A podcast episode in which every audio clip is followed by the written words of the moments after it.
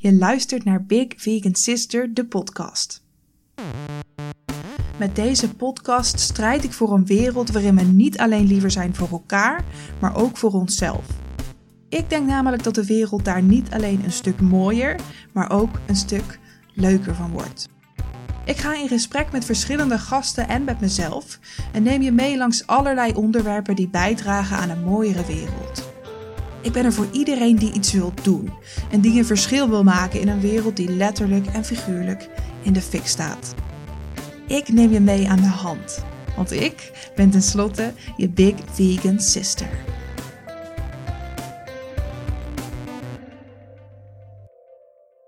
Hallo lieve luisteraars, super fijn dat jullie er weer zijn. Ik ben vandaag op bezoek bij Mignon, Mignon Nusteling. Op Instagram omschrijft ze zichzelf als een naakte moraalridder die strijdt voor nuance.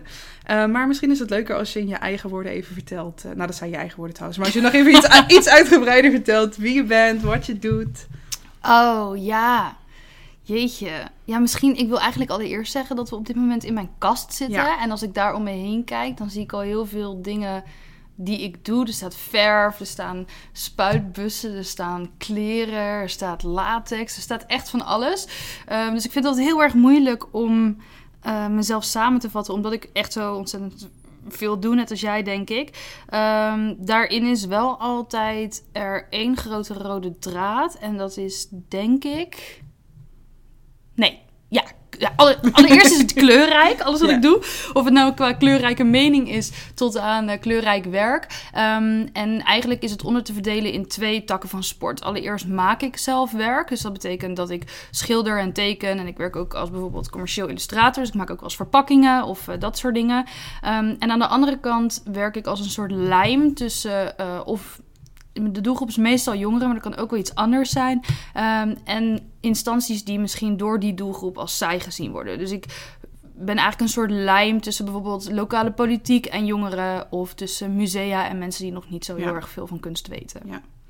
En je doet ook veel op je Instagram, toch? Je schrijft ook best veel. Ja, ja, dat zie ik dan eigenlijk in die tweede categorie. Ah, dat ik mijn Instagram gebruik ik als instrument ook wel uh, om dat gesprek aan te gaan over onderwerpen die mensen misschien uit zichzelf niet zo makkelijk opzoeken of per se willen weten. Ja. Dus ik hoop altijd dat mijn Instagram een soort van informatie geeft van over dingen waarvan je niet wist dat je er zoveel over wilde weten. Ja. Ik vind het heel grappig dat je dit zegt. Want als mensen mij dus vragen wat ik doe, dan zeg ik altijd: ja, ik doe heel veel. Maar de rode draad erin is dat ik de wereld wil verbeteren. En um, ik zeg ook altijd: ik heb ook twee takken. Dus wat ik doe is het is grappig. Ik herken mezelf erin. Um, en ook in de Instagram. Ik probeer ook juist met deze podcast ook mensen ja, kennis te laten merken met onderwerpen waarvan ze misschien niet eens wisten dat het bestond. En ook niet wisten dat ze ze misschien zo interessant vonden. Um, we gaan vandaag dus hebben over activisme. Ik vind activisme een heel belangrijk ding in het leven. Ik kan me ook een leven zonder activisme eigenlijk niet voorstellen, omdat ik iedere dag met alles wat ik doe bijna wel bezig ben met activisme. um, maar ik merk wel dat er een bepaalde gedachte rondom activisme hangt. Um, dat je alleen een activist bent als je het op een hyper zichtbare manier doet. Dus bijvoorbeeld door de straat op te gaan met spandoeken. En, en dat is natuurlijk een vorm van activisme. Maar ik denk dat heel veel mensen niet erkennen wat ze misschien al doen of wat ze misschien zouden kunnen doen. En daarom ben ik hier vandaag bij Mignon. Mignon, um, ik zie jou echt als een activist, maar zie jij jezelf ook zo? Uh, nou ja, het is als iedereen maar tegen je blijft zeggen dat je een activist bent, dan zou het eigenlijk raar zijn om dat stevast te blijven ontkennen. um, want, maar dat is ook dat ik dat misschien niet volman, volmondig meteen op, met ja beantwoord, komt ook doordat ik dus heel lang dat idee in mijn hoofd heb gehad dat als je een activist bent, dat je inderdaad met spandoeken, uh, luidkeels uh, uh, schreeuwt ergens. Daarvoor ben ik gewoon niet extra ver genoeg. Dus ik vind, ik heb heel lang aan de definitie activist getwijfeld. Maar ja, als heel de wereld zegt dat je het bent, dan moet je dat maar gewoon accepteren. niet dat ik het erg vind hoor. Dus ik ben heel trots om een activist te zijn. Maar ik vind dat, ik vind dat wel een, een bepaalde. Nou, ik denk dat ik dat een term vind waarvan ik denk dat je dat moet verdienen. En ik weet niet of ik dat genoeg verdien. Dus daarom is het ook uit een soort misschien wel uh, onterechte bescheidenheid dat ik niet volmondig ja zeg. Ja. Maar ik wil het heel graag zijn, dus Ja. bedankt. Ja, nee, ik denk dat er nu misschien ook wel mensen zijn die luisteren en die denken: wow, maar Mignon doet al zoveel. Als zij zichzelf al niet eens activist mag noemen, mag ik mezelf dan wel activist noemen. Oh, ja, nu jaag ik alle, alle Nee. mensen weg met mijn definitie. Nee, dat hoeft eh. helemaal niet. Maar ik vind het juist mooi om het gesprek ook op die manier te openen. Want ik herken jouw gevoel daar ook in. Ik heb ook heel lang gedacht van... Ja, weet je, wat ik doe is nog niet genoeg. Ik moet veel meer doen. En ik moet de straat op. En ik, ik moet schreeuwend voor het gerechtsgebouw gaan staan. En later bedacht ik me eigenlijk dat heel veel dingen die ik al doe... eigenlijk gewoon activisme zijn. Ik heb een... Ik, bijvoorbeeld de reden waarom ik vegan ben gaan bakken... want ik heb een andere bedrijf, Taarten van Jansen... Ehm, was ook omdat ik mensen wilde laten zien dat vegan eten super lekker en super makkelijk kan zijn. En ik be- bedacht van, nou ja, overtuiging gaat waarschijnlijk het beste via de maag. Dus toen ben ik dat op die manier gestart. Ik heb ook een tattoo op mijn onderbeen. Ik zal die nog wel even posten in de show notes of eh, bij de aflevering ergens. Ehm, en er staat, er is een garde met weapon of choice erbij omdat dat voor mij altijd mijn manier van activisme is geweest. En toen ik me besefte hoeveel mensen ik daar eigenlijk mee bereikte, dacht ik ineens: wow, weet je, eigenlijk zijn er een heleboel vormen van activisme. Misschien moeten we dat allemaal ook wel erkennen. Mhm. Ehm, welke dingen die jij in het dagelijks leven doet, zou jij misschien als activistisch kunnen omschrijven? Nou, allereerst wil ik heel even, want ik vind het grappig. Je hebt dus een garde met weapon of choice. Ja. En eh, daarin denk ik, daarin herken ik mezelf ook wel. Want ik noem mezelf altijd een paard van Troje. Ja. Ehm, ja, ja, ja, ja. Oh mijn god, dit is... Ja. ik snap nu al wat je bedoelt. en Want ik herken mezelf er Zeker als het bijvoorbeeld gaat om body positivity of slut shaming of heel dat ding over hoe je daar als vrouw uitziet. En dan, dan heb ik het iets meer al over fe- feministisch activisme. Ehm, daarin, ik ben dat account, dat Instagram account ooit begonnen eh, en daarop postte ik eh, half naakt foto's van mezelf met eh, afval. Dus Ja. veel meiden maakten mooie foto's van zichzelf met de- op de mooiste plekken, zogenaamd per ongeluk sexy. Ik deed dan expres sexy op hele lelijke plekken als een soort van ja, tegenovergestelde en performance art. Nou, daar heb ik heel veel volgers mee vergaard die Mhm. echt kwamen voor die sexy rare Ja, ja, ja. foto's. Maar is die- En opeens kwam daar elke keer stiekem linksom of rechtsom een feministische eh, uitspraak bij. Of, of een, eh, een uitleg of, of, of een betoog of wat er dan ook bij kwam kijken. En iedereen was een soort getrapt in mijn Ja. sexy foto's. En uiteindelijk zaten ze in een of ander eng eh, raging feminist bolwerk. Dit en vind ik zo- echt geniaal. Ja, en zo doe ik het eigenlijk met alles. Ik probeer het zo te verpakken dat het niet belerend of betuttelend is. Dus ja, eigenlijk als ik dan kijk, eh, is heel veel, alles wat ik plaats, is dan activistisch. Maar voor, het is bijna activisme is in the eye of the beholder. Ik denk dat misschien mensen dat niet altijd doorhebben. Is het nodig dat mensen dat altijd doorhebben?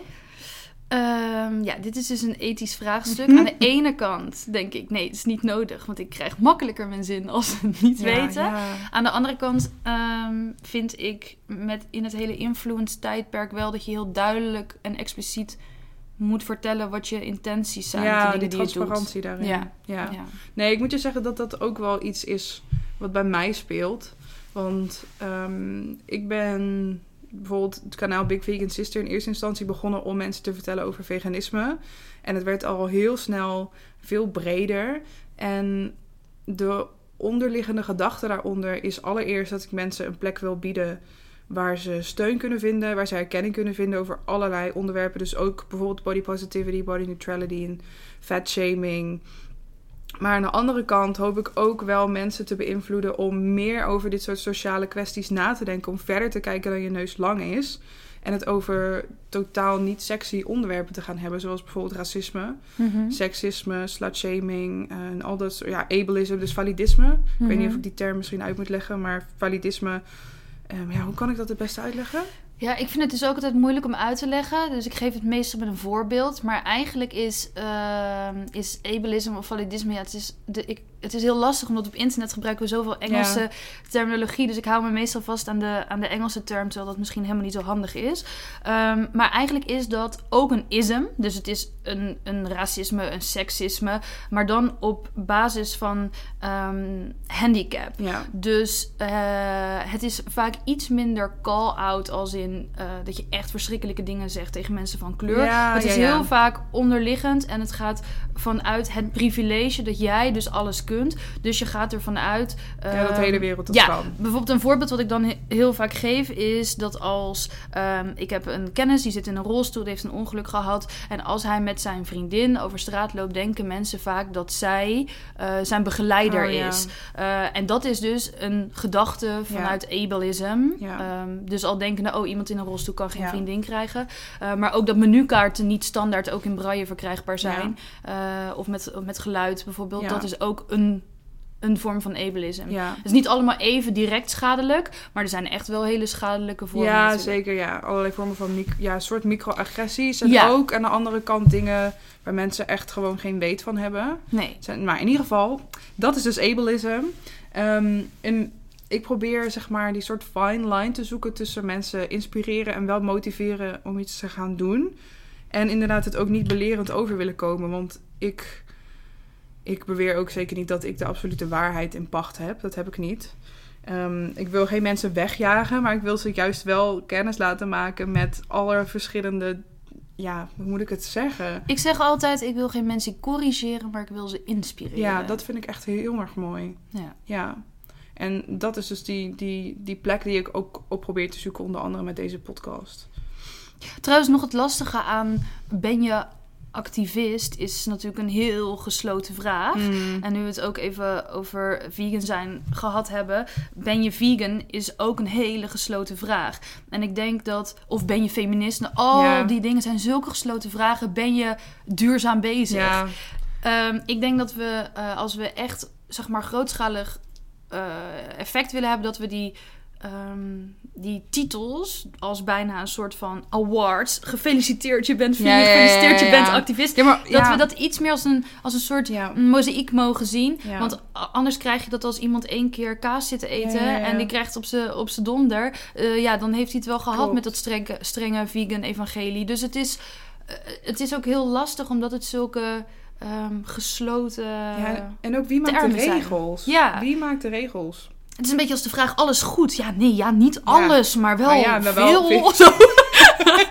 dus ben je activistisch? Ja. ik probeer het, maar misschien, misschien valt er nog Klopt. te leren. Ja, want dan krijg je dus ook weer bijvoorbeeld die soort... Ik grap wel eens over de vegan politie. Ja, Dat als ik bijvoorbeeld achter... Laatst bijvoorbeeld, een vriendin appte mij, was echt zo lief.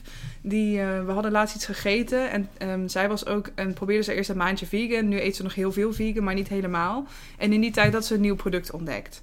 En ehm, de, toen was het nog vegan, maar inmiddels hebben ze dus melk toegevoegd. Wist zij niet. Toen hebben we het samen gegeten laatst. Toen kreeg ik laatst een berichtje van haar. Oh Lies, ik heb zoiets verschrikkelijks gedaan. En er zat melk in en het spijt me. Ik wist het echt niet. Ik zo, joh, maakt toch helemaal niet uit. En, maar dat zijn dan normaal... Als ik dat dan online zou delen, dan weet ik zeker dat er mensen zijn die dan... je moet de verpakking Ja. checken, wat naïef. Ja. Dat dus Ja. precies dat. Het gaat zo erg om intenties. Ja. Eh, en dat kan ook, dan moet je ook mee uitkijken dat je dat niet gebruikt als een soort luiigheid. Van, Ja, ja, maar mijn is. intenties waren goed. Ja. Maar echt, je, soms, ik heb wel eens een hap genomen van, ik dacht een sausijzenbroodje eh, van de vegetarische slager. En dat was dus varken. Ik proefde dat meteen. Een Ja. soort vette substantie in mijn mond. En ik, weer, ik ben echt gewoon ziek geweest. Ja. Niet, niet eens per se fysiek, want ik heb het niet doorgeslikt. Maar gewoon in mijn hoofd. Dat je moet kampen met dat schuldgevoel. ja. En dan denk ik, ja, wie hou ik nou voor de gek? Hier kon ik echt niks, Nee, daar aan, kan je echt doen. niks aan doen. Nee. Dat is ook het ding met medicijnen bijvoorbeeld. Ik, Ja. ik, ik heb medicijnen nodig. Ik slik medicijnen en er zit vrijwel zeker lactose in. Ja. En die zijn sowieso op dieren getest. Betekent dat dat ik geen veganist meer ben? Nee. De definitie van veganisme is voor mij ook... Want noem jij jezelf eigenlijk veganist? Nee, ik noem mezelf ethisch veganist. Ja, oké. Ja. Want volgens mij was jouw definitie daarvan dat als jij iets, ehm, iets kreeg wat anders bijvoorbeeld weggegooid zou worden, ja. dan eet je het wel. Ja. Ja, oké. ja.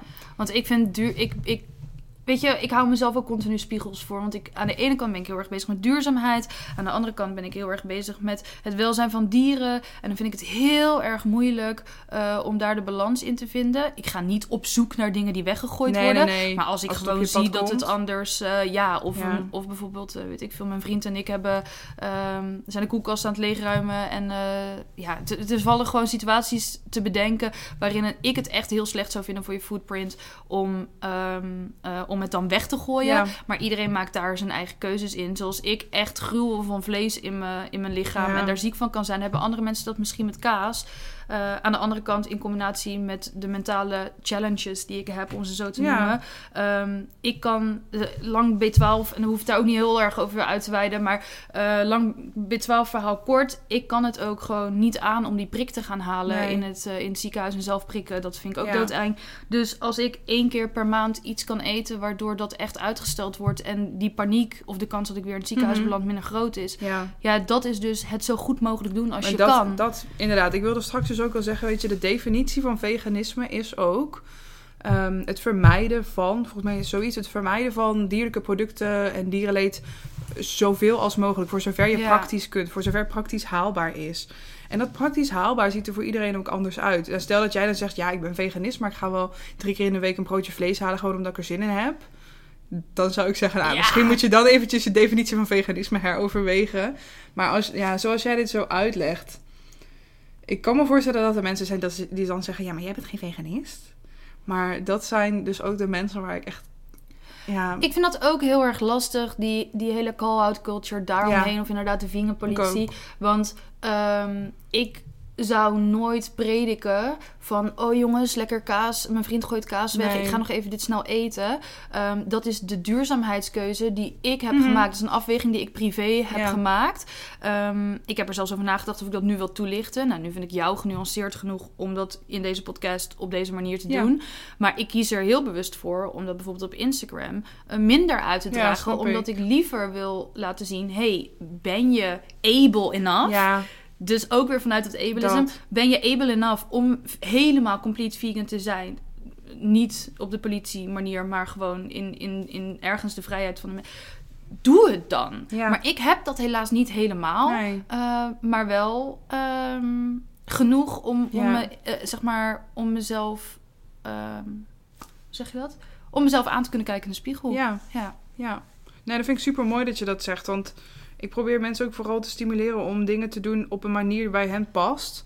En dan ehm, wil ik wel oppassen, inderdaad, wat jij straks ook al een beetje zei, dat mensen zeggen van ja, maar ik doe al zoveel. Of ik kan niet om alles tegelijk eh, evenveel geven, dus daarom doe ik maar niks. Want dat wil ik ook voorkomen, want er zijn altijd wel dingen die je kunt doen. Ook al is het één keer in de week veganistisch eten, bijvoorbeeld. Of duurzamere keuzes maken, op welke manier dan ook. Kijk, Maar het, het zeggen van ik, weet, ik kan geen keuze maken, dus doe ik maar niks. Of ik kan niet alles tegelijk doen. Dat is ook heel makkelijk om je daar maar achter ja, te ja. verschuilen. Ehm, want hoe minder je weet, eh, des te minder je je waarschijnlijk ook bekommert. En Ja. zodra je in stof gaat duiken. Ik moet ook heel eerlijk zeggen, toen ik echt helemaal eh, bijna zelf eh, bij de vegan politie zat, toen zat ik ook in allerlei Facebook groepen. Mhm. En ja, die hele evangelische, bijna dogmatische manier van communiceren daar, die wordt, daar word je ook bijna in aangebakkerd Ja, of zo. ja. Ik weet niet of je die film Die Welle wel eens gezien hebt. ja, maar echt bijna zoiets. Oh, ja. Dus- wow, dit is echt een perfecte Ja, vergelijking. En ik dacht, ja, hier wil ik gewoon geen onderdeel van zijn. Eh, want dit gaat niet meer om dierenwelzijn. Dit gaat om, eh, om met, met de vinger te kunnen wijzen naar... ik ben het Ja. meest empathisch naar dieren van Ja, iedereen. dat Het is meer ik- superioriteitsgevoel. dat dus, maar dat vind ik zo ironisch. En dan wordt het dus geen, dat, en dan wordt het dus geen veganisme, Nee. maar orthorexia. Ja. Maar dat, Ik weet niet dat of je de term orthorexia ja, kent, ik. Misschien moet je het even uitleggen voor de luisteraars. Ja, orthorexia is een eetstoornis. Ik weet niet of die officieel in de DSM... Maar volgens mij, het is dat, je kan er wel Mhm. iets over vinden als je het googelt. En het is dus dat je je manier van eten als zodanig superieur beschouwt... dat je continu het gevoel hebt dat je anderen daar ook op moet wijzen. Dus ik, ehm, ik weet wel hoe het zit en jij leeft ongezond... want je eet op een andere manier. Ja. Ja, en het is natuurlijk een eetstoornis. Ja. Dus dat, ja, heel vaak uit het zich op een manier dat mensen proberen extreem, ik doe nu aanhalingstekens, gezond Ja. te eten. En inderdaad op mensen op die manier ook te beïnvloeden. Dus Ja. dat zie je ook heel veel terug. Weet je, dan is er een nieuw vegan product. En de eerste wat er weer onder wordt gepost. Oh, jammer van al dat vet. Jammer van al die E-nummers die erin zitten. Of ehm Trouwens, in een appel zitten ook al zes ja, ook, dat zeg ik meestal ook, maar dat willen ze dan niet horen. ik, ben, ik ben serieus ook wel eens ehm, een Facebookgroep uitgezet, omdat eh, mensen, de, de beheerder van de groep had een artikel gepost waarin stond dat je door vlees eten autisme kon krijgen. En framede daarbij autisme ook echt als iets verschrikkelijks. Nou, ik weet dat jij autistisch bent. Mhm. Een heleboel mensen die mij heel nauw aan mijn hart staan zijn autistisch. Ik, ehm, allereerst kun je niet autisme op latere leeftijd krijgen. Nee. En daarnaast is het ook helemaal niet iets slechts. Dus ik heb tegen hem gezegd, allereerst is dit fout. Want het slaat nergens op, want het kan niet. En daarnaast, wat is er mis mee om autistisch te zijn? En toen ben ik dus de groep uitgegooid.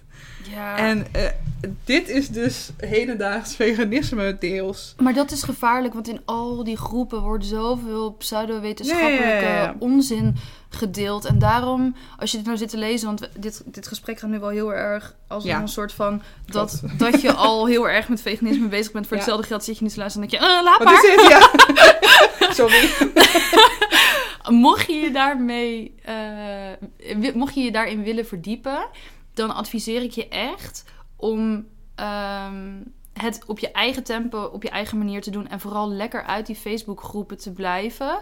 ehm, als je het echt op je eigen manier wilt doen, want Ja. anders word je echt beïnvloed. En ik weet niet, het- er zit iets heel. Ik weet niet wat er gebeurt in die Facebookgroepen. Of, of er iets in Ja. je drankje gegooid wordt, waardoor je er bijna beïnvloedbaar voor bent. Maar het is echt gevaarlijk. Ja, ja, klopt. En eh, ja, doe het gewoon. Je weet zelf waar je, waar je ethische grens ligt. En natuurlijk moet je je inlezen. Maar ga Ja. dan naar een lezing over, eh, over de melkindustrie. Ga dan naar een lezing over duurzaamheid. de- Maar ga niet elkaar voeden met eigenlijk pseudowetenschappelijke, niet eh, op waarheid gebaseerde populistische uitspraken. Dat is het. Ja, ik geloof echt wel dat mensen dat met een goede intentie doen. Ik geloof heel erg in de goedheid van de mens. En ik geloof ook echt wel dat mensen dan oprecht denken dat ze anderen daarmee helpen. Maar zoals jij zegt, het is gewoon echt gevaarlijk. En er Ja. worden gewoon heel veel onwaarheden verspreid. Waardoor er daarnaast ook een heel raar beeld rondom veganisme ontstaat. Ja. Ehm, als je geïnteresseerd bent in veganisme, nou ja, dan zit je natuurlijk bij mij sowieso goed. Ehm, maar ik kan je dan ook zeker aanraden om bijvoorbeeld de vegan challenges een keer te gaan doen. Dan krijg je hele, ehm, hoe moet ik het zeggen? Ja, dan krijg je gewoon heel feitelijke informatie, gewoon eh, gepresenteerd zoals het is. Ehm, die begint op 1 oktober weer. Ik weet nog niet wanneer ik deze, deze aflevering online zet. Maar op 1 oktober 2019 begint die weer. Dus dat zou je sowieso dan ook kunnen doen. Dus dat kan ik je aanraden. Ja, en ga ook eens een keertje eten ergens. Ja. Waar, eh, waar die eh, activistische stempel er even afgehaald Ja. wordt. Zoals Konijnenvoer in Arnhem Dat bijvoorbeeld. dus, ja. Nou, daar kun je, dat zijn zulke leuke mensen. Kan je zo leuk eten. En totaal niet belerend. En dan denk je, oh ja, wacht, ik zit eigenlijk nu gewoon te eten. In plaats van dat ik heel activistisch bezig ben. En als je even die stempel af en toe voor- voor jezelf er ook afhaalt. Dan, dan ben je gewoon lekker aan het genieten. En dat mag, dat mag het ook zijn. Ja, Je hoeft niet... En dan eet je een keer iets met, met ja... Weet je, een avocado eet ik bijvoorbeeld ook niet meer. Maar heel veel vegans zijn gek op avocado. Ja. Iedereen maakt zijn eigen afweging. ja daarom. En Ja, dat heeft te maken met, eh, met eh, ethische kwesties of... eh, Nou, ik, ik heb een tijdje in de AGF gewerkt. Dus oh ja. aardappels, groente, fruit. En ik weet best wel veel van groente en fruit. Mhm. En er zijn gewoon dingen die ik liever niet meer eet. ja. Ehm, omdat heel veel avocadoboeren uitgebuit worden. Maar Oh. ook de footprint is heel lang. Ja. ehm, voordat een avocadoboom de avocado's geeft die wij graag willen. Dus die hele grote. Eh, ja, dat duurt soms al 50 jaar. Ja, het is echt... Je moet... Wauw. Oké. O- Ook als je dit niet wil weten, google Volgende het. podcast gaat over avocado's.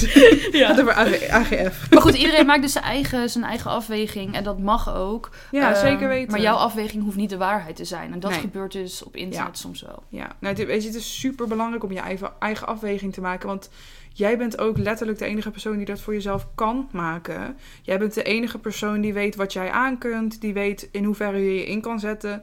Dus bagatelliseer dat ook niet. Als jij, ehm, weet ik veel, één keer in de week maar vegan kan eten, om welke reden dan ook. Als jij op dit moment niet vegan kan eten, maar je kan wel een herbruikbare waterfles gebruiken. Of je gaat naar de kringloop om je kleren te halen. Weet je, wees daar ook gewoon trots op. Ik zag laatst zo'n meme voorbij komen. Of ja, het was eerder een quote, maar het was in meme vorm. Ehm, en daarin stond: We hebben niet één iemand nodig die het perfect doet, maar miljoenen die het imperfect doen. En dat Mhm. vond ik echt super mooi. Zeker, ja. Ja. We hadden het straks al heel even over feminisme. En dan ga ik de vraag toch stellen: Noem, je- noem jij jezelf een feminist? Ja, dat kan ik wel zeggen hoor. Zeker. Ja, maar ook daarbij heb ik heel lang het gevoel gehad dat ik niet genoeg deed. En ik had toch ook een ouderwets beeld van feminisme in mijn hoofd. Mhm. eh Dolomina-achtig of eh okselhaar-achtig. Wat ook prima is en ook een vorm is. Maar ik dacht dus dat, dat ik het niet goed deed. Ja. Eh, maar nu ik meer weet over modern feminisme en de nieuwe golf, kan ik echt wel zeggen, eh, ja, Mhm. ik ben echt zo'n zo eentje met wie je ook ruzie kan krijgen in de kroeg. Ja. De kroeg. Ja. Ja, ma- Wat er gebeurt. Mag ik zeggen, herkenbaar. ik, ha- ik, ik zit niet zo vaak in de kroeg. Ik ga er helemaal niet van uitgaan. Dat heb ik helemaal omarmd. Ik ook niet, ik kreeg ruzie.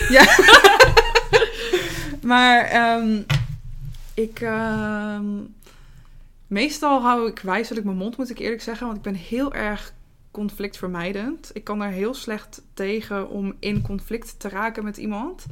Waar dan ook over. Vooral om dingen die mij heel erg aan het hart gaan. Zoals dus feminisme. Ik noem mezelf ook zeker feminist. Maar ik heb eh, ook zeker een tijd gehad waarin ik dacht... Nee, dat is niks voor mij. Want, want dat zijn, eh, weet ik veel, boze vrouwen met okselhaar die hun BH's verbranden. Niks mis met okselhaar, niks mis met je BH verbranden. Ja, Ehm, maar ik, ik slecht kom voor je nu... footprint, though. Ja, beter dan neer aan de kringloop. Ja. Ehm, maar ik, ehm, ik merk nu dat ik het soms wel heel lastig vind om mensen uit te leggen waarom ik feminist ben. En dat klinkt misschien heel raar, want eigenlijk weet ik het heel goed. Maar ik ben dan bang om mensen meteen te veel te overwhelmen of Oh, zo. ja. En dan zijn, zeggen mensen van ja, maar hier in Nederland kunnen we toch gewoon alles? Of ik ben geen feminist. Omdat ze volgens mij nog een, een heel erg ehm, heftig beeld van hebben. Ja. Ehm, wat, wat zou jij zeggen als iemand, bijvoorbeeld een, gewoon een, een vrouw van onze leeftijd, dus zegt ja, ik ben geen feminist. Wat, wat Oh, zou je dan tegen diegene zeggen? Ehm, dat is leuk, want ik, ik ben een boek aan het schrijven. eh, en ik heb precies dit hoofdstuk eh, laatst afgerond. Oh, dan moet ik wel heel even kijken wat ik... Moet ik het even goed citeren van mezelf? ik kan het ook voorlezen, maar dan moet ik even weglopen. Even kijken, het, het- ik zeg ongeveer dit. Ehm, deze mevrouw is geen feminist, zegt ze. Ja. Ik zeg, oké, geloof jij in gelijkheid tussen mannen en vrouwen? Is dat iets wat je graag voor je ziet? Nou, dan moet je wel heel gekke Ja, ja, vrouwen ja. voor je hebben, wil ze nee zeggen. dan zeg ik, nou, dan ben je dus feminist. Alleen, wat is er gebeurd in de maatschappij? Er is een loopje, en voornamelijk door media, maar ook door de snelle media, zoals nieuwe media, eh, nieuwe media traditionele media, zoals tv en krant, en nieuwe media is internet bijvoorbeeld, ehm, is een loopje genomen met de term. Dus een feminist wordt nu bijna gezien als een soort mannenhater. Maar dat heeft een ander woord. Dat is geen feminist. Stel je nou voor dat jij gitaar speelt. En ik zeg tegen jou: Nee hoor, jij speelt piano. En de rest van de wereld zegt ook: Jij speelt piano. Dan ga jij toch niet zwichten? Dan ga je toch Ja. niet zeggen: Ik ben pianist. Terwijl jij eigenlijk donders Ja. goed weet dat je gitaar speelt. Dus wat hebben we? Geloof jij in gelijkheid tussen mannen en vrouwen? Dan ben je feminist. Ziet heel de wereld dat als een mannenhater? Dan ga je toch niet opeens zeggen: Oh nee, maar dan ben ik geen is wel echt feminist. heel mooi. ja. Dus wij moeten de, de, de, het gebrek aan definitiekennis aanpassen en niet de term gaan aanpassen. Ja. Als mensen niet weten wat feminisme is, ga jij niet zeggen dat je geen feminist bent. Ja. Nee, dan ga je die mensen Ja. uitleggen wat het is. ja. ja. Nee, dat is wel echt super mooi dat je dat zegt. En een super goede vergelijking ook. ja, maar dat is ook een populariteitskwestie. Ja. Want het is dus niet cool om feminist te zijn. En, en eh, ik zou iedereen adviseren even te googlen op eh, Cool Girl eh, Volkskrant. Mhm. Volkskrant heeft een keer een artikel geschreven over cool girls. eh, naar aanleiding van een boek, Gone Girl. Maar goed, het maakt niet Mhm. uit, daar kwam die term voor het eerst voor. En dat zijn dus vrouwen die ehm, heel erg in populariteitsconflict zitten bij mannen. En dan bijvoorbeeld eh, zeggen... Nee, ik tel geen calorieën, lekker hamburgers Oh eten. ja, ja, ja. eh, bier drinken. Wat helemaal niet erg is als je zo bent. nee, Maar heel erg, zeg maar, de ehm, witte man met privilege, zeg maar, naar de mond praten om dus een lekker cool wijfgevoel ja, te zo worden. was ik ook. Ja, Zo ik ben ik ik ook, geweest. Ja, maar, ik zei- oh, ik man, zei ik was een slaaf van mijn imago. Ja, ik zei vroeger ook echt, ja, ik ben niet zoals andere meiden. Ik ben lekker Ja? one of the guys. Ja. Echt zo erg. En dan, ik vond het dan ook echt een compliment als een jongen dan tegen mij zei, ja, jij bent niet zoals andere meiden. Terwijl nu denk ik, wat, ik ben niet zoals andere meiden. Nee. We zijn allemaal, we zijn Ja. allemaal geweldig. En dat is ook lastig, hè? want je wil dus eigenlijk Ja. vrouwen niet afvallen, want eh, sterk samen. Aan de andere kant, als vrouwen continu bijdragen aan eh, de oorzaak dat jij feminisme als een van je Ja. activistische eh eikpunten ziet, ja, dan, is het, Ja. dan wordt het wel lastig en dan moet je dat gesprek misschien wel een keer aan. Ja, Ehm, dus ja, dat, dat zou ik zeggen. Ja. Je bent toch mooi. Gitarist, geen pianist. Ja. ik ben altijd van de hele banale vergelijkingen. maar dat dan maak je mooi. het zo makkelijk en zo eh, concreet voor mensen. Ja, Het is ook, je kan ook alle kanten op bij feminisme, maar het is heel simpel. Het is in één Ja. zin samen te vatten. ja, En natuurlijk heb je wel dan mooi, allerlei facetten waaruit blijkt dat dat niet Ja. gelijk is. ja. En intersectioneel feminisme is natuurlijk nog breder dan dat. Ehm, en soms probeer ik daar het verschil ook wat tussen uit te leggen. Van Ja. nee, je hoeft niet meteen ook dat racismepunt aan te vechten als je daar nog niet bent. Nee. Misschien Ja, kom je dat- daar ook wel Dat niet. is misschien Ja. hetzelfde als dat je begint met bijvoorbeeld vegan eten. Ik zeg ook altijd tegen mensen, weet je, doe gewoon rustig aan. Vervang al je producten rustig. Weet je, is je kaas op, ga je op zoek naar vegan kaas. Is je Ja. melk op, ga je op zoek naar vegan melk. Zo kan je het eigenlijk met alles bekijken. Zo, zo kan je het ook met feminisme bekijken. Want ik, ja, ik, ik ben ook te bang om mensen anders te veel te overwelmen. En zodat ze dan maar gewoon helemaal hun kont in de krip gooien. En zeggen van, Ja. oh ja, nee, dit, dit wordt te veel voor mij. Dus dan doe ik maar niks. ja, ik kan me heel goed voorstellen. Ehm, heb je wel eens. ehm, nee, hoe, ik zal het anders zeggen. Je gebruikt ehm, naaktheid in, op jouw Instagram ook Mhm. ehm, eh, als een soort van paard van Troje. Dus om mensen van dingen bewust te maken. Heb je wel eens uit feministische kringen ook daar vervelende reacties op gehad? Ehm, niet uit feministische kringen, wel gewoon van vrouwen die mij in het echt kennen. Ik word ook amper op social media gevolgd door mensen die ik in het echt ken. Het zijn Ja. echt voornamelijk eh, aardige strangers op the internet. Ehm, maar nee, niet zozeer uit feministische kringen. Ik ben wel één keer geïnterviewd door eh Vice, volgens mij eh, Broadly. Die, Mhm, nee? ja. Ja, die vrouwen. Ja, ja. ja, eh, door Broadly. En zij, zij hebben toen een artikel geschreven over... kun je naakt en feminisme met elkaar combineren. Maar dat was eigenlijk de eerste keer dat ik me daarover uitsprak. Ja. Voor, voor, dezelfde, ehm, voor de rest vind ik het in deze golf feminisme eigenlijk vanzelfsprekend. ja. En heb je daar nare reacties op gekregen, dat artikel of zo toen? Of- nee, niet, niet vanuit de feministische hoek, maar wel eh, een aantal mannen die... Dat was dus de eerste keer dat ik de, de term feminist als ehm, echt woord zwart op wit op social media postte. Daarvoor was ik dus echt veel meer subtiel paard van Troje. Ehm, en toen waren er wel een aantal mensen die, die dan zeiden... Mannen, wil ik eigenlijk niet zeggen. Eh, die dan zeiden van... eh gadverbeer er ook zo één. Alsof ik zei dat ik eh, een... weet ik veel, heftige criminele eh, vrouw was. Gadverbeer er ook zo één. Ik ontvolg je meteen. ja. Ja. Nou ja, ik, ik kan me voorstellen dat je dat soort reacties best vaak krijgt, toch? Of niet? Echt alsof ik zeehonden doodknuppel in mijn vrije tijd. Nee, maar wat? Gadverbeer er ook zo één. Weet je wel? Ook zo één. Alsof ik mezelf helemaal ondersmeer met poep en dan Ja. de hele tijd een vreemde mens ga knuffelen in de Ja. bus. Doe eens normaal, joh, met je er ook zo één. Ik vind het ook altijd zo mooi dat als het vrouwelijk naakt is bedoeld, intentioneel voor mannelijke ogen, dan is het oké. En zodra jij zelf ehm, ownership over je Ja. lichaam neemt, ben je een slet. De hele maatschappij is ingericht op het consumeren van vrouwelijk naakt. Ja, en als ik er was mannen zeg, dan ik witte cis-mannen eigenlijk. Vooral Ja. cis-mannen, niet per se wit, maar... Misschien is dat ook een term die je even moet Ja, misschien moet ik dat vertellen. Ehm, als je eh, cisgender bent, om het zo even mooi te zeggen, dan identificeer je je als ehm, de biologische kenmerken, zeg maar, nee, hoe moet ik het zeggen? Als het tussen aanhalingstekens geslacht waar je mee geboren bent. Dus stel je bent een man en je bent geboren met een penis en je identificeert je ook als man en je bent daar helemaal oké mee, dan ben je een cis man. Ja. Zo heb ik het goed gezegd, Ja, toch? Oké. Precies. Gelukkig. dat is spannend. Het is eigenlijk een quiz. Ja.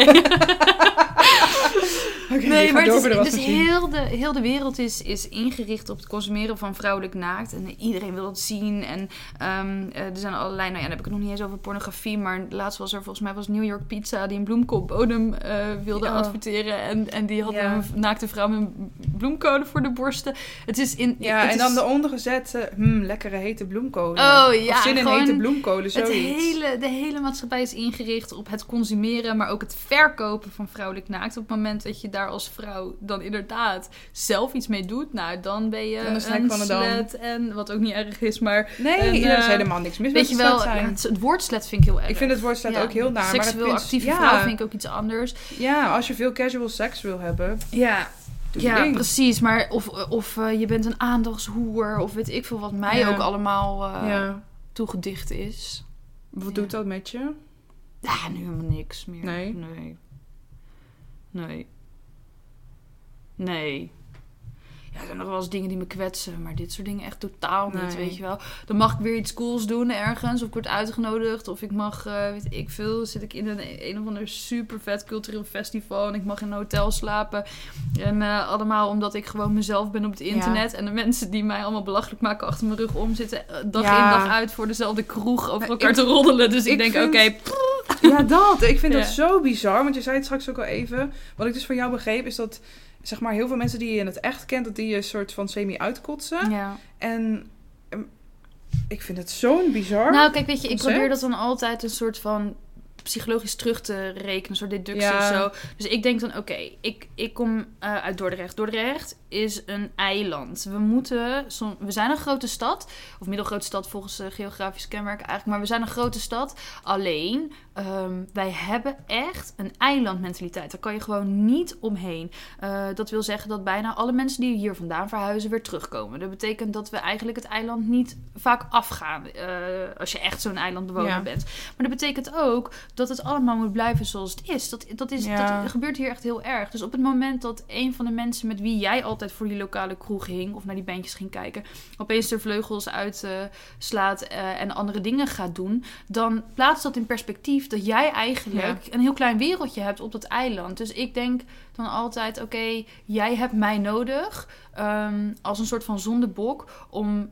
voor jezelf een soort van te zeggen, ja, maar dat wil ik ook niet. Omdat je eigenlijk ziet, hé, hey, ik doe, ik doe niet Doe zoveel niks. Ik sta gewoon nieuws. stil. Ja, precies. Dus als ze mij dan nodig hebben en ik ben dat instrument, ja, is niet helemaal schön, maar ja, dat, dat doet me steeds minder.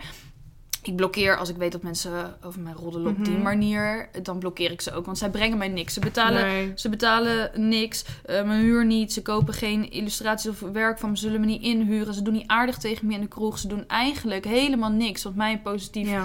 eh, beïnvloedt. Ik blokkeer hen, ik, ik, ik draai die kraan gewoon dicht. Ja. Ehm, en ik heb één keer gehad, en dat, haar eerlijkheid moet ik haar eigenlijk nageven.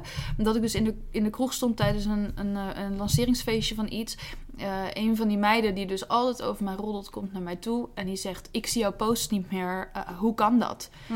En toen, ik had het helemaal niet verwacht. Mhm. En toen zei ik, dat komt omdat ik jou geblokkeerd heb. Waarom? zei ze. En toen zei ik, nou, omdat ik gehoord heb dat jij heel naar over mij spreekt. En ik moet je heel eerlijk zeggen, je hoeft me nu niet eh, uit te gaan leggen of dat wel of niet waar is. Gewoon het zien van jouw naam geeft mij al stress, omdat Ja. ik me moet afvragen of het waar is, ja of nee.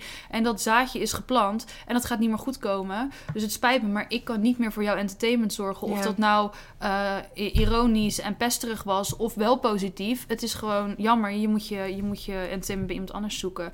Ja, toen stond ze zo Ik met- wil wel vragen, hoe reageerde zij toen? ja, toen zei ze eigenlijk niks meer. Hm. En toen zei ze, oh oké, nou ja, dan zal ik dat moeten accepteren. Maar ik weet dat zij echt, want ik heb dat ook wel als eerste graad via een, een geluidsfragmentje gehoord, dat zij echt onaardig over mij is. Ja. Maar eerlijkheid, ja, dat, dat- daar schrikken mensen dan toch van. Ja, klopt. En eh, jij hebt het in de hand, je mag ze gewoon blokkeren, vind Ja. ik. Nee, dat vind ik ook sowieso een supergoeie. Weet je, iedereen die jou op enige manier een negatief beïnvloedt of een negatief gevoel geeft, het is jouw Instagram. Blok ze Ja. gewoon. Mute ze, wat dan ook. Wat, wat je dan ook moet doen om jezelf in bescherming te Ja. nemen. Supergoed.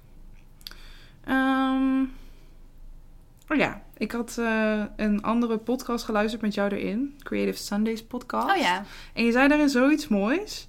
Ehm, je zei ehm, dat we het verschuldigd zijn aan het universum om aandacht terug te geven. Weet je nog dat je dat hebt gezegd? Nee, maar wat mooi, ja. Ja. Jeetje. En ja. In welke context zei ik dat? Ja, volgens mij ging het erover om wa- waarom jij doet wat jij doet allemaal. Ehm, waarom, waar je de energie vandaan haalt om de dingen te doen die je Oh, ja, allemaal ja, doet. ja, ik snap het al, ja. Want ja. dat wilde ik eigenlijk jou ook nog vragen. Want ik vond dit zo'n mooie zin. Ik heb die ook opgeschreven. Ik denk, daar ga ik met jou over praten. Oh, wat leuk. Ehm, want weet je, je bent, het, je bent super actief op Instagram. Eh, je schrijft boeken, je illustreert, je doet van alles. Je maakt foto's, je, je, je organiseert dingen. Waar, waar zit jouw drive? Waarom doe jij al die dingen die jij doet?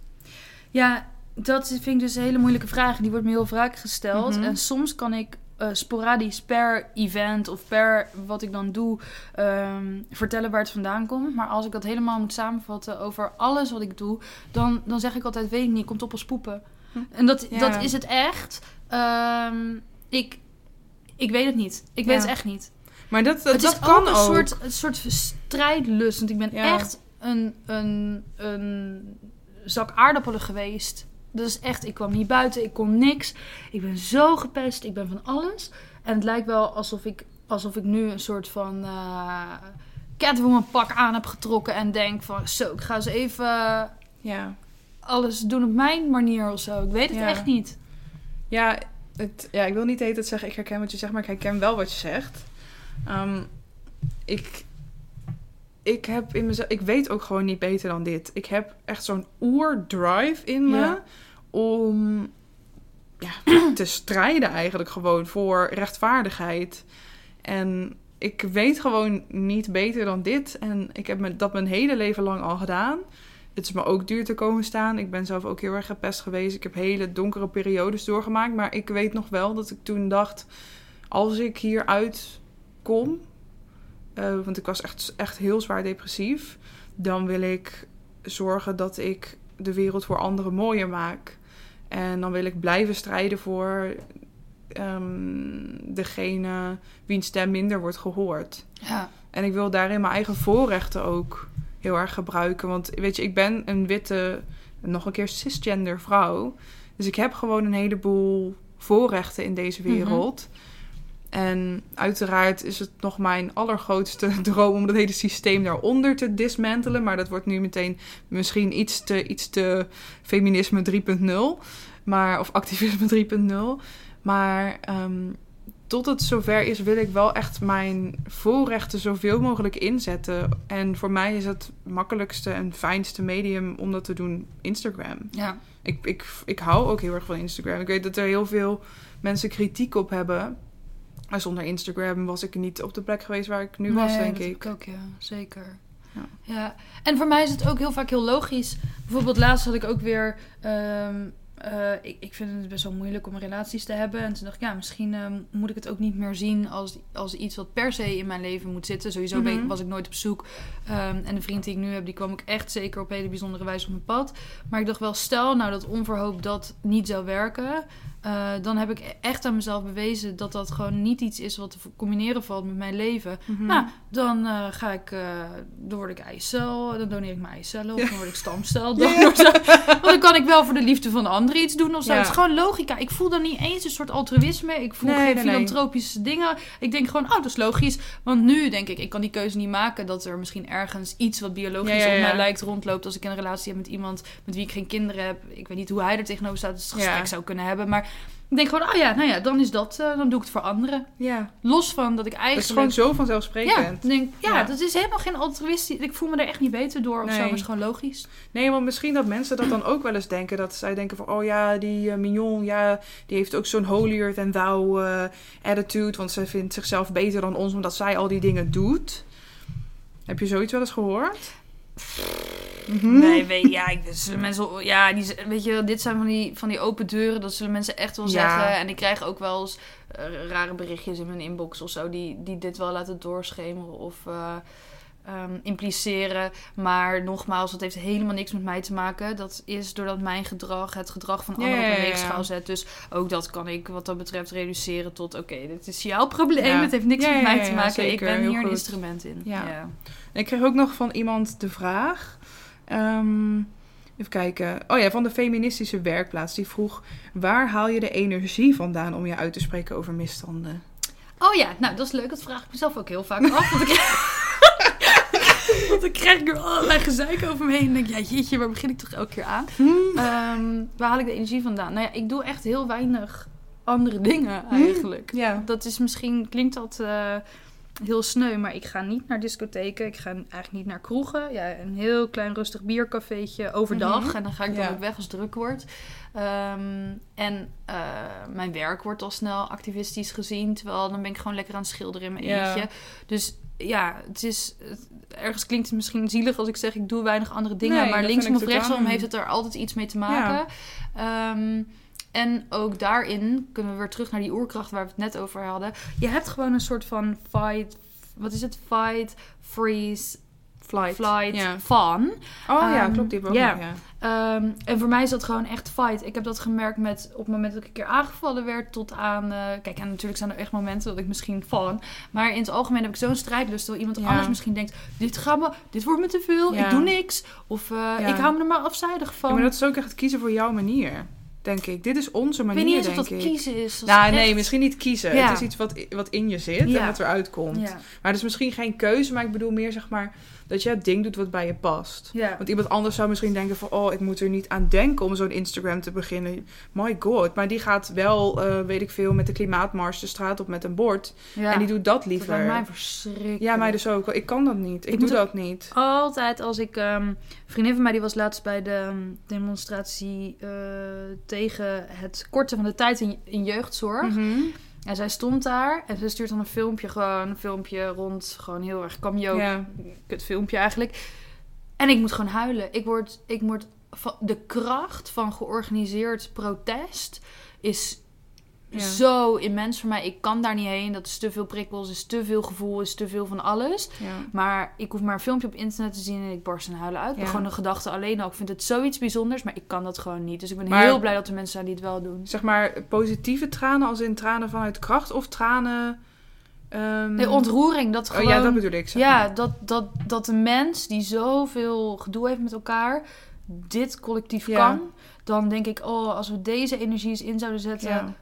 In het dagelijks leven, moet je kijken wat ja. er dan kan gebeuren. Dat is echt Ja. idioot bijzonder. Ja, ik eh, kan om um, ook mijn eigen redenen, onder andere ook overprikkeling, maar ook vanwege mijn vermoeidheid. Um, en ik krijg heel vaak de vraag van mensen: Oh, ga je ook naar de klimaatstaking? Oh, ga je ook naar de Animal Rights March? En ik moet altijd nee zeggen. maar um, ik vind het oprecht heel jammer dat ik daar niet bij kan zijn. Want ik weet zeker dat er mensen zijn: Ja, maar je kunt het toch zo doen, of zus, of je gaat in een rolstoel mee, of wat dan ook. Uh, ik trek het gewoon niet vanwege de 1 miljoen prikkels die daar Mhm. zijn.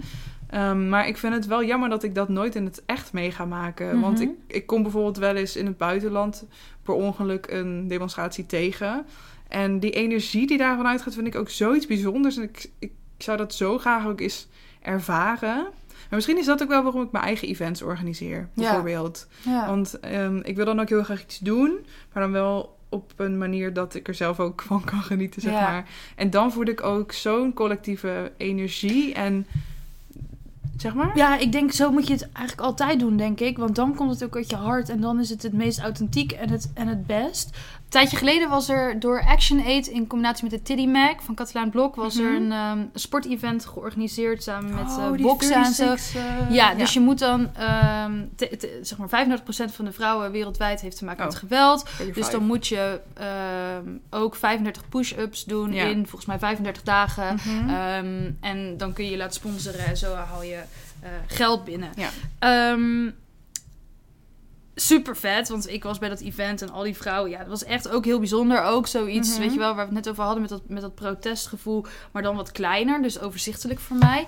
Maar ook een klein beetje ableism, want Ja. ik kan niet opdrukken. ja. Eh, en jij misschien ook niet, Nee, weet je wel? Vanuit, niet. Nee. ik heb namelijk een eh, eh, chronische slijtage aan mijn hand. Mhm. Ehm, dus ik kan dat niet. Ik moet mijn handen ook zeker Ja, sparen voor mijn werk als illustrator. Dus ik, eh, ik, ik dacht, nou, dat gaan we niet doen.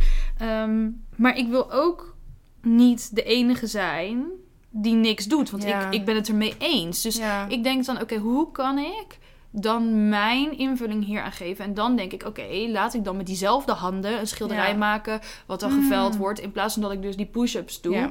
Ehm, en dat komt bij mij ook veel authentieker over als ik een eh, schilderij aanbied... dan dat ik 35 eh, jumping jacks doe, Ja, omdat ja, ik ja. dat wel kan als enige of zo. Weet je wel, dat, Ja. dat is dan... Een, ja, dat past dan minder bij me. ja. En ik denk dat eh, als je activisme geslaagd wil toepassen, dat je nooit jezelf uit het oog moet verliezen. Want anders wordt het een trucje en dan komt het niet uit jou, maar uit een collectieve opvatting van Ja, nee, activisme. dat klopt. Nee, super mooi dat je dat zegt. Want het gaat natuurlijk vooral om datgene doen wat het allerbeste bij je past. En je eigen invulling daaraan geven. Ehm, ken jij het begrip activist burnout? Oh ja. Of kan je er een voorstelling ja, van maken? zeker. Ehm, ja, en ik moet eerlijk zeggen dat ik dat... Ja, ja, nee, ga maar... Wilde je er zelf iets over vertellen? Want ik, Nee, ik want koppel ik het ook meteen aan namelijk- weltschmerz. Dat je denkt... Dat je soms Ja. denkt, het heeft geen zin. De wereld is zo verrot, ik kan er niks aan doen. Het is een druppel op een gloeiende plaat. Wat heeft het allemaal voor zin? Niemand luistert naar me. De wereld is verrot, de wereld is verrot, de wereld is verrot. Ja. Huilen, doet niks meer. Pyjama aan, pyjama nooit meer uit. Ehm, ja, bij mij uit het zich dan heel vaak in dat ik andere dingen niet meer kan. Dat ik dan bijvoorbeeld een meltdown krijg in de Mhm. supermarkt. En dat ik dan gewoon echt niks meer kan. Maar dat is wel vaak ehm, als ik bijvoorbeeld een week heb gehad van heel veel kritiek van mensen Oh, die ja. het met me oneens zijn of zo. Ehm, heb één keer iets gedaan over menstruatie en rape culture.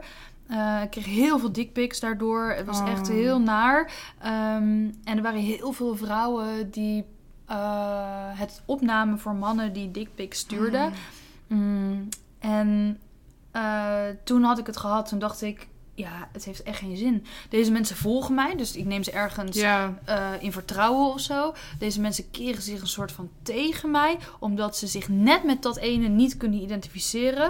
Ik heb ook heel vaak dat mensen eh, het altijd met me eens zijn, totdat ik iets benoem Ja, ja, ja. waar zij Waar misschien ze een aandeel in hebben. Precies. Ja, of waar en dan is de wereld veranderen. te klein. En dan, dat, dat kan ik eigenlijk niet meer handelen. En dan zeg ik, ik ga dit gesprek niet aan. Dan zeggen Nee. ze, ja, maar je post er wel over. Ja, maar ik, wat mensen niet begrijpen te, niet lijken te begrijpen over Instagram is, en ik, ik lees heel veel berichten en ik reageer best wel Ja, veel, ja. maar ik ben en blijf de zender. Ja. Dus ik kies wat er op mijn Instagram gebeurt. En ik hoef niet te horen dat mensen in een rolstoel het niet zo slecht hebben. Want ik zie hoe mensen soms op mijn broer reageren. Ik zie ook hoe mensen op mij reageren met die kleine blessure die ik heb van die slijtage. Waar niks meer... Weet je wel, dus ik hoef niet te horen dat zij dat anders ervaren. Dat, ho- dat hoef ik niet. Ehm, tuurlijk, als het opbouwende kritiek is waar ik iets van kan leren, dan is het een ander verhaal. Maar Ja. ik ben zoveel verder in sommige dingen die Ja. mensen benoemen. En ik wil echt niet zeggen, ik ben in alles veel verder. Nee, nee, nee. Maar soms word ik, word ik aangesproken op dingen waarvan ik denk, ja, hier heb ik echt jaren ervaring mee. Ja. Ik ben de zender en jij mag, zoals bij Netflix, naar mij kijken. En je mag ook een recensie achterlaten. Maar als iedereen over de nieuwe Stranger Things zegt dat de muziek niet leuk is, gaan ze echt niet die afleveringen offline halen. Ja. Er snel andere muziek onder zetten. Nee. Nee, Ja. er zit een gedachte achter. Er zit zoveel achter. Ehm, als jij daar iets anders van vindt, begin je eigen Instagram-kanaal. Ga vooral zeggen wat ik allemaal niet zeg. Maar nee, mijn Ja. kanaal. Ik heb zo mijn best. Sorry, hier. Dit is zo'n pijnlijk ding. dus daarom ga ik helemaal los. Ik, ik, heb, ja, ik heb hier ook nog mijn heb- over. Dus kom maar. Ik heb, ben begonnen een paar jaar geleden met het posten van soort semi-naakt foto's Mhm. met vuilniszakken. Daarmee heb ik als een paard van Troje volgers eh, gekregen. Ik heb altijd een nuance opgezocht in de manier waarop ik eh, eh, mijn activistische standpunten ehm, uitdraag. Dat mensen er wel weer naar willen luisteren. Dat ze Ja, niet ja, meteen ja. weggejaagd zijn. Ik ben denk ik tussendoor ook best wel eens grappig. Ik post ook andere dingen dan eh, alleen maar activistische Zeker, dingen. zeker. Ik denk echt dat als je mij leuk vindt en een leuk persoon vindt, dat het best gezellig is om mij te volgen. Absoluut. Ik heb elke dag iets gepost. Ik ga naar musea waar ik over schrijf. Ik lees boeken waar ik eh, kennis over haal. Ik heb heel veel moeite gedaan. Allereerst om die 10.000 volgers te, bij elkaar te krijgen. Eh, niet heel bewust vanuit marketing, maar wel heel erg Ja, ja, door mezelf te zijn. Door haatmail te ontvangen. Door daar eh, iets mee te doen. Ik heb heel veel jaren therapie gehad waarmee ik de gedachte, eh, het gedachtegoed gecreëerd heb wat ik nu heb. Ik heb dus jaren geïnvesteerd, ook al klinkt dat super debiel over zoiets als Instagram, maar ik heb jaren geïnvesteerd om te zijn wie ik nu ben en Instagram is daar een onderdeel van. Ja. Als jij net komt kijken in je activisme of jij komt net kijken in het vormen van je mening en je wil eigenlijk een bijna misbruik maken van mijn bereik en mijn platform. En je gaat mijn bereik en mijn post gebruiken om jouw tegenliggende mening te propaganderen. En eigenlijk populariteit te wekken bij mensen die misschien het daarmee eens zijn. Dan is dat niet jouw plek. Je kan niet mijn protest bevecht gebruiken voor jouw protest. De, de, de, meest concrete, ik ben misschien nu te zweverig, maar als Nee, je heel even. nee, nee. Jullie moeten mij zien. Ik zit alleen maar heel hard ja te Ja. Ja. Als je kijkt naar bijvoorbeeld Amerika, op een gegeven moment kreeg je, en dat is natuurlijk veel heftiger, maar dat is wel even de meest concrete eh, eh, variant daarvan. Ehm, je had het protest Black Lives Matter. Ja. En toen Oh, waren er dus oh. mensen die White Lives Matter. Ja, of all lives matter. of All Lives Matter. Dat is dus pro- het protest van de een gebruiken Ja. voor je eigen protest. En dat is, los van dat het ethisch echt niet oké is, ook gewoon auteursrecht technisch Ja. fucking onbeschoft. Ja. Zo, dit was Ja. mijn rant. Dankjewel. Amen. Ja. Maar echt, nee, want waar ik dus wel eens mee zit, ehm, ik, ehm, ik heb, ik moet eerst even iets terug om uit te leggen waarom ik daar zo mee zit. Ik heb op mijn, wat was het, 18 of zo, echt een hele, hele schadelijke relatie gehad. Echt een hele schadelijke relatie. Er was geen sprake van fysieke mishandeling, maar wel emotionele mishandeling. Ehm, ik eh, heb daarna in therapie gezeten om dat te kunnen verwerken, omdat ik daardoor een posttraumatische stressstoornis op had gelopen. Ehm, en ik lach er nu om, maar dat komt omdat ik er dan op die manier over kan praten, omdat het best wel heftig is. Het gaat nu super goed met me, dus geen zorgen. Ehm, maar hij terroriseerde mij echt met appjes. En sindsdien heb ik heel veel angstgevoelens rondom geschreven woord. Vooral als mensen mij zeg maar op ieder moment van de dag een berichtje kunnen sturen met daarin bijvoorbeeld hun mening. Ehm, of ehm, dingen omdraaien vooral. Hij deed heel erg aan gaslighting. Ik weet niet of jullie weten wat dat is. Um, kan jij het goed uitleggen, Pignon? Nee, het is grappig, want een vriendin van mij uit Amerika... die gebruikt deze mhm. term altijd. En zij zegt, ja, je moet de film kijken. En oh, het is dus een soort van voordoen als... maar ik kan het nou, niet... Ik het kan komt dus voort uit, een, uit de film... en die heette volgens mij Gaslight of zoiets. Ja, ja. Um, in ieder geval iets in die trant. Ik zeg het misschien niet goed. Um, en het gaat erom dat een andere persoon ook al weet je dat het is op een bepaalde manier is gebeurd, die gaat zo op jou inpraten dat diegene je ervan overtuigt dat het niet zo is gebeurd wat je het niet hebt gezegd of dat je iets anders hebt gedaan. Dus dat is een bepaalde vorm van emotionele mishandeling, waardoor je echt intens aan jezelf gaat twijfelen en je hele waarheid uh, niet meer bestaat. Ik moest mezelf daarna weer helemaal terugvinden. Ik wist gewoon niet eens meer wie ik was. Um, maar ik ben daardoor zo bang geworden, bijvoorbeeld um, om uh, nare woorden te ontvangen van mensen of kritiek op wat ik doe. Waardoor ik sommige dingen vermijd op mijn Instagram. Omdat ik te bang ben om daar nare berichten over te krijgen. Omdat het me dan te nauw aan mijn hart gaat, zeg maar. Um, want ik heb het bijvoorbeeld in lezingen over fatshaming. Mm um, en uh, toen dat online werd gezet, was het allereerste wat eronder kwam ook echt van die super fat shaming comments. Dus heel veel commentaar op mijn lichaam, op dik zijn.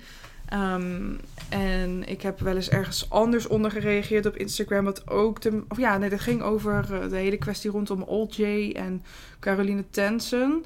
Ik weet niet of je het mee hebt gekregen, maar die hebben behoorlijk gefatshamed op de nationale tv. Oh, ja. Met de Nike-paspop. Um, en toen kreeg ik ook allemaal hele nare reacties onder mijn eigen posts. Ook van mensen die dan ehm, heel duidelijk hun mening kwamen verkondigen. Die duidelijk tegen die van mij inging. Um, ook heb ik liever niet dat mensen die mening hebben. Ze mogen die natuurlijk hebben. Maar ik vind het heel erg lastig om daarmee om te gaan op mijn eigen kanaal. Mhm. Maar je hebt net echt perfect verwoord waar die frustratie bij mij dan zat. Um, en ik vind het heel erg fijn eigenlijk dat je net die hele preek hebt gehouden. Dus dank je wel daarvoor. Want je, je brengt gewoon perfect onder woorden waarom het mij zo dwars zit dat mensen op mijn kanaal, wat een veilige plek moet zijn voor mensen ook nog, um, hun verhaal komen verkondigen dat schadelijk is. En dat mij veroordeelt en mijn hele zijn, mijn hele lichaam veroordeelt. Um, dus dat wil ik even zeggen.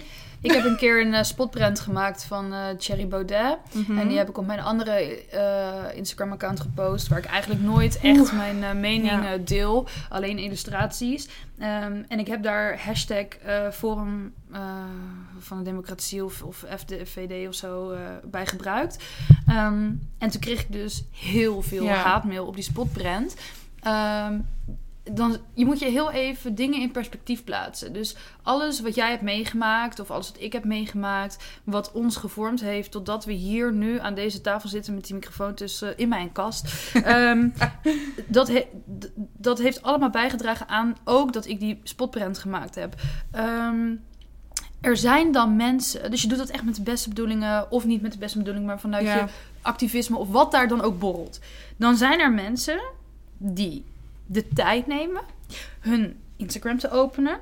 Hashtag Forum van de Democratie in te Op te zoeken, ja. Te kijken wie er eventueel iets post wat tegen die partij kan zijn. En gaan dan vervolgens al die posts, gaan ze reacties achterlaten. Ja, ik wil niet die groep, ik wil niet zeg maar Instagram shamen. Maar ik vind dat echt knotsknettergek. Ja. Want luister vriend, je gaat mij echt niet met deze haatdragende reactie omturnen tot Nee, dat ook nog. Ik vraag me Dus af, wat, wat wil je is het ermee doel? bereiken? Ja. Ja. Plus dat jij niet opeens naar de zin van diegene zoveel kilo afvalt. Ja. Dus wat... Ja, maar ik snap gewoon echt niet wat de bedoeling ik snap is. het ook echt niet. Diegene hoeft niet naar je te kijken, die energie hoef, voor je niet, die hoeft jou niet te zijn. Nee. Ja, ik snap het gewoon echt Nee, niet. ik, ik ook echt niet. Dus ja, dat... eh, En, en plus, dat soort reacties ondermijnen ook eh, de democratie. Want je mag eh, stemmen wat je wil en je mag ook doen wat je wil. Ja. En natuurlijk betekent dat dus ook dat je voor hem mag stemmen of dat je zelf heel graag dun wil zijn. Dat kan en dat mag allemaal, maar daar mag je dan je eigen kanaal ook Ja. voor starten. ja. Ja. Ja. Het is eigenlijk concurrentiereclame wat zij doen en dat ja, dat mag niet in Nederland. Dat is eigenlijk Zo, daar ga ik eens iets mee doen. Ja. Oké, hey, tot slot nog even. Je bent bezig met een boek, toch? Ja. Wil je daar wat meer over vertellen? Ja, ehm, ik ben dus. eh, dit is wel grappig, want dit is een heel goed bruggetje op dit moment. Want wat ik dus net vertelde over al die achterliggende gedachten en al die dingen, hoe je op het punt gekomen bent dat Mhm. je dus dit activisme toepast, of dat je op een bepaalde manier over dingen denkt, ehm, die verzamel ik eigenlijk. Dus wat ik, wat ik elke keer in het boek zet is één, de eh, foto op Instagram en dan, dan daarnaast de eh, originele tekst Mhm. bij de foto. En mijn captions zijn eigenlijk best wel lang, dus dat is al eh, bijna een pagina elke keer. En daarna volgt dan elke keer zo'n eh, eh, vier tot vijf kantjes aan hoe ik dan Oh. tot die post gekomen ben. Dus welke frustratie me daar gebracht heeft, welke jeugdherinnering, eh, welke les, welke school, welke mensen, welke vervelende ervaring, welke mooie ervaring. Ehm, en ik kan nog wat uitgebreider over het onderwerp door, want Ja. ja, Instagram geeft je ergens Ja, wel een limiet. Ja. Ehm, en omdat ik dus ook altijd zeg, ik strijd voor nuance, vind ik het soms... Ergens moet je de boodschap heel krachtig en Ja. Jippe Janneke taal kunnen brengen, anders geloof je er zelf niet in en dan beheers je de stof niet. Aan de andere kant hebben sommige dingen zoveel nuance nodig. Ik bedoel, we hebben heel deze podcast eigenlijk al maar over twee dingen gehad. Ja. Dus dat, dat geeft ook wel aan Ja. dat soms nuance heel belangrijk is en die wil ik graag nemen. En daar Ja. bundel ik dus een boek van. En het wordt zeker eh, niet belerend, want daar hou ik dus niet van. Maar het wordt ook gewoon leuk met foto's. Eh, maar ook eh, mensen die jullie misschien wel volgen komen voorbij. Ehm, zoals bijvoorbeeld eh, een, een vrouw ehm, eh, van de, de, de, het brein achter Superbra. eh, Mhm. Die dus al een speciaal eigen matensysteem voor grote borsten verzonnen heeft. Tot aan ehm, eh, de vrouw die de, de enige goede plastuit naar Nederland heeft gehaald. Ja. Waardoor je dus eh, kan plassen. Dus er zijn allemaal inspirerende vrouwen Ja. eh, die erin voorkomen. Oh, ik ben echt zo excited voor je boek en Jij zo mag er benieuwd. zo doorheen scrollen. My life is now complete. Nee, echt te gek. Ik kijk er heel erg Ja, naar uit. Want ik wist natuurlijk al een beetje waar het over ging. Ik ehm, verslind jouw Instagram posts echt. Ik vind ze echt super waardevol. Dus ik ben heel benieuwd om al die, al die informatie erachter te Leuk. lezen. En de titel heb ik altijd geheim gehouden, maar die wil ik wel zeggen. Dat wordt dus ook de naakte moraalridder. Oh, Ja. yes, een primeur in Ja. mijn podcast. Ik ga Oh, nog te niet zeggen wanneer die af is, want ik heb al drie maanden niks geschreven. Nee, maar... nee, ik wou het eigenlijk al aan je Ik ga vragen. Schrijfkamp. Ja, ik moet, ik moet echt... eh, ik vind het heel jammer dat ik de decembermaand niet ga halen. Want dat was natuurlijk een mooi moment geweest. Maar ehm, ja, het- ik ga gewoon zo snel mogelijk alles afschrijven. Want de vraag wordt steeds groter. Dus Ja. ik, ik voel daar ook wel de druk door. Dus het komt echt goed, geloof ik. Oké, nou en als het zover is, dan horen jullie het uiteraard via mij. Dan zien jullie mij waarschijnlijk eh, half gillend Ja. met een boekje. ik heb hem. Oké. Ehm, ja, ik vroeg me, ik zei net tot slot, maar ik had eigenlijk nog één vraagje. Heb jij misschien wat kleine tips voor mensen die zeggen, ja, ik wil graag iets meer doen, Mhm. maar ik weet niet zo goed wat? Oké, Mm, dan denk ik, ga dan eerst mensen volgen op Instagram bijvoorbeeld, waarvan je denkt, oh ja, die vind ik cool en wat doen zij? En je Ja. moet het niet kopiëren, maar laat je inspireren. Ja, want dan kun je ook al die eh, vormen van activisme zien. Voor de een is eh, activisme al eh, ehm, eh, om... En micro, je hebt ook micro-activisme. door een keer niet naar de ja. verjaardag te gaan van die nicht die altijd eh, onaardig is. Je hoeft niet meteen heel de wereld te veranderen. Ehm, maar ik denk, kijk, kijk eens even wat de mensen die jij inspirerend vindt... of waarvan je denkt, oh, die durft altijd alles... of die zegt altijd zo goed waar het op staat. Kijk eens wat zij doen. En kijk dan eens wat jij eh, zelf zou willen of durven doen. En ga dan net even iets, iets meer doen dan dat je denkt dat je durft. Ja. Want Oh, dan, zie je, dan voel je ook een soort succesbeleving van... ja, dit voelt goed, ik sta hierachter. En dan krijg je misschien wel die strijdlust... die je dingen laat doen waar je zelf echt heel trots op mag zijn. Je mag sowieso trots zijn op jezelf ja natuurlijk. sowieso. Maar dat je, als je zegt, ik wil echt graag iets, iets doen wat, wat verandering kan meebrengen. Te gek. Dankjewel. Heel erg bedankt, Mignon. Oké, we hebben ehm, altijd ook wat vaste vragen. Oké. Ehm, even kijken. De allereerste vraag is dan altijd: welke vraag of opmerking, zeg maar rondom hetgene wat we net hebben besproken, Mhm. wil je nooit meer horen? Word je nou zelf niet moe van je feminisme? Word je nou nooit eens moe van jezelf, is eigenlijk Ja. meer, ja. Oh jeetje, heftig. Oké, goeie. Ehm, en dan, ik hou echt heel erg van eten. Ik leef voor eten. Zeg maar, als ik ehm, iets aan het eten ben, dan denk ik al na van wat ik daarna ga eten. Mhm. Ehm, dus ik wil heel graag ook weten wat jouw favoriete eten is. Maar zeg maar, stel je gaat uit eten in een Ja. denkbeeldig restaurant waar ze alles hebben wat je maar kan bestellen. Wat ga je dan bestellen als voorgerecht, als hoofdgerecht en als nagerecht? En welk drankje erbij? Het hoeft niet realistisch te zijn. Ehm, nou, als drankje, dit is echt, ik heb, dit, ik, ik denk dat ik ga echt aandelen vragen. of wat dan ook, die, die Brazilian, oh, die Alpro met die Ethiopian, wat is het, die, die karamel dingen. Oh, die heb ik dus nog nooit ja, gehad. Die heb ik, ik ga het zo, ik heb het hier liggen. Ik Oh, ik wil maar je wil, je ja. wil nooit meer iets Oh, anders, dus het is echt niet goed. Ik denk, ik besta nu voor 80% uit suiker, want ik drink dus alleen maar dat. Dus dat is sowieso het drankje. En, en, en een lekkere bittere IPA. Hoe bitterder, Ja. hoe beter. Dus ik gooi gewoon alles door elkaar. Het wordt sowieso kotsen die avond. Ehm, het voorgerecht is denk ik iets met... eh, ik hou dus heel erg van eh, dingen uit de grond. Knollen. Ehm, ik vind bietjes heel lekker. Dus misschien iets van een bieten carpaccio of zo. Mhm. Mm, dan als hoofdgerecht wordt het sowieso Mexicaans. Oh, lekker. Taco's, softshell taco's met eh, pulled jackfruit. En dan zo heel erg lekker gemarineerd met meegebakken ananas met rode kool. Ja, verse koriander, Oh. weet je wel. Ja, echt heel, heel lekker. Gele rijst met... Nou ja, goed, dat denk ik. Ehm, en heel veel pittige saus. En dan als dessert alles met kokos. Mhm. Ja, alles met kokos en alles met de allerdonkerste pure chocolade. Ik heb echt zoveel Ja. honger. Dankjewel. Eh ja, en, en, en wat ik ook nog graag wil weten, is wat je favoriete liedje van dit moment is. Want ik heb een Big Vegan Sister playlist. Mhm. Oh ja. En daar zet ik dan allemaal favoriete liedjes in van de gasten en van mezelf. Ja. Dus ik vraag me af, wat, wat, welke liedje luisteren jullie heel graag? Oh ja, nou ik heb sowieso deze week al niks anders geluisterd dan een nieuwe album van Taylor Swift. Oké, oké. Maar dat zou misschien te makkelijk zijn. Ehm, ik zit even te denken. Oh, dit overvalt me heel erg. Nou, laat ik het er gewoon wel in zetten. Eh, ik luister dus heel de tijd het nummer ehm, Miss Americana en the Heartbreak Prince. Dat is echt... Dit is my jam. Dit klinkt Ja. echt zo Taylor Swift. En eh, ja, dat nummer vind ik heerlijk. En ik heb dus daarnaar gegoogeld. En het schijnt dat dat een soort dubbele laag heeft Mm. naar eh, allerlei politieke dingen. Het fijne weet ik er nog niet van. Ik ben nog steeds met mijn onderzoek bezig. Ehm, maar alle documenten deel ik op een...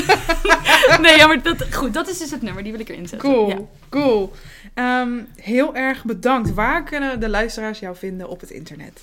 Je kunt mij volgen op Instagram. Dat is @mionnes En dat is Frans, heel moeilijk. Maar dat schrijf je als M-I-G-N-O-N-N-U-S.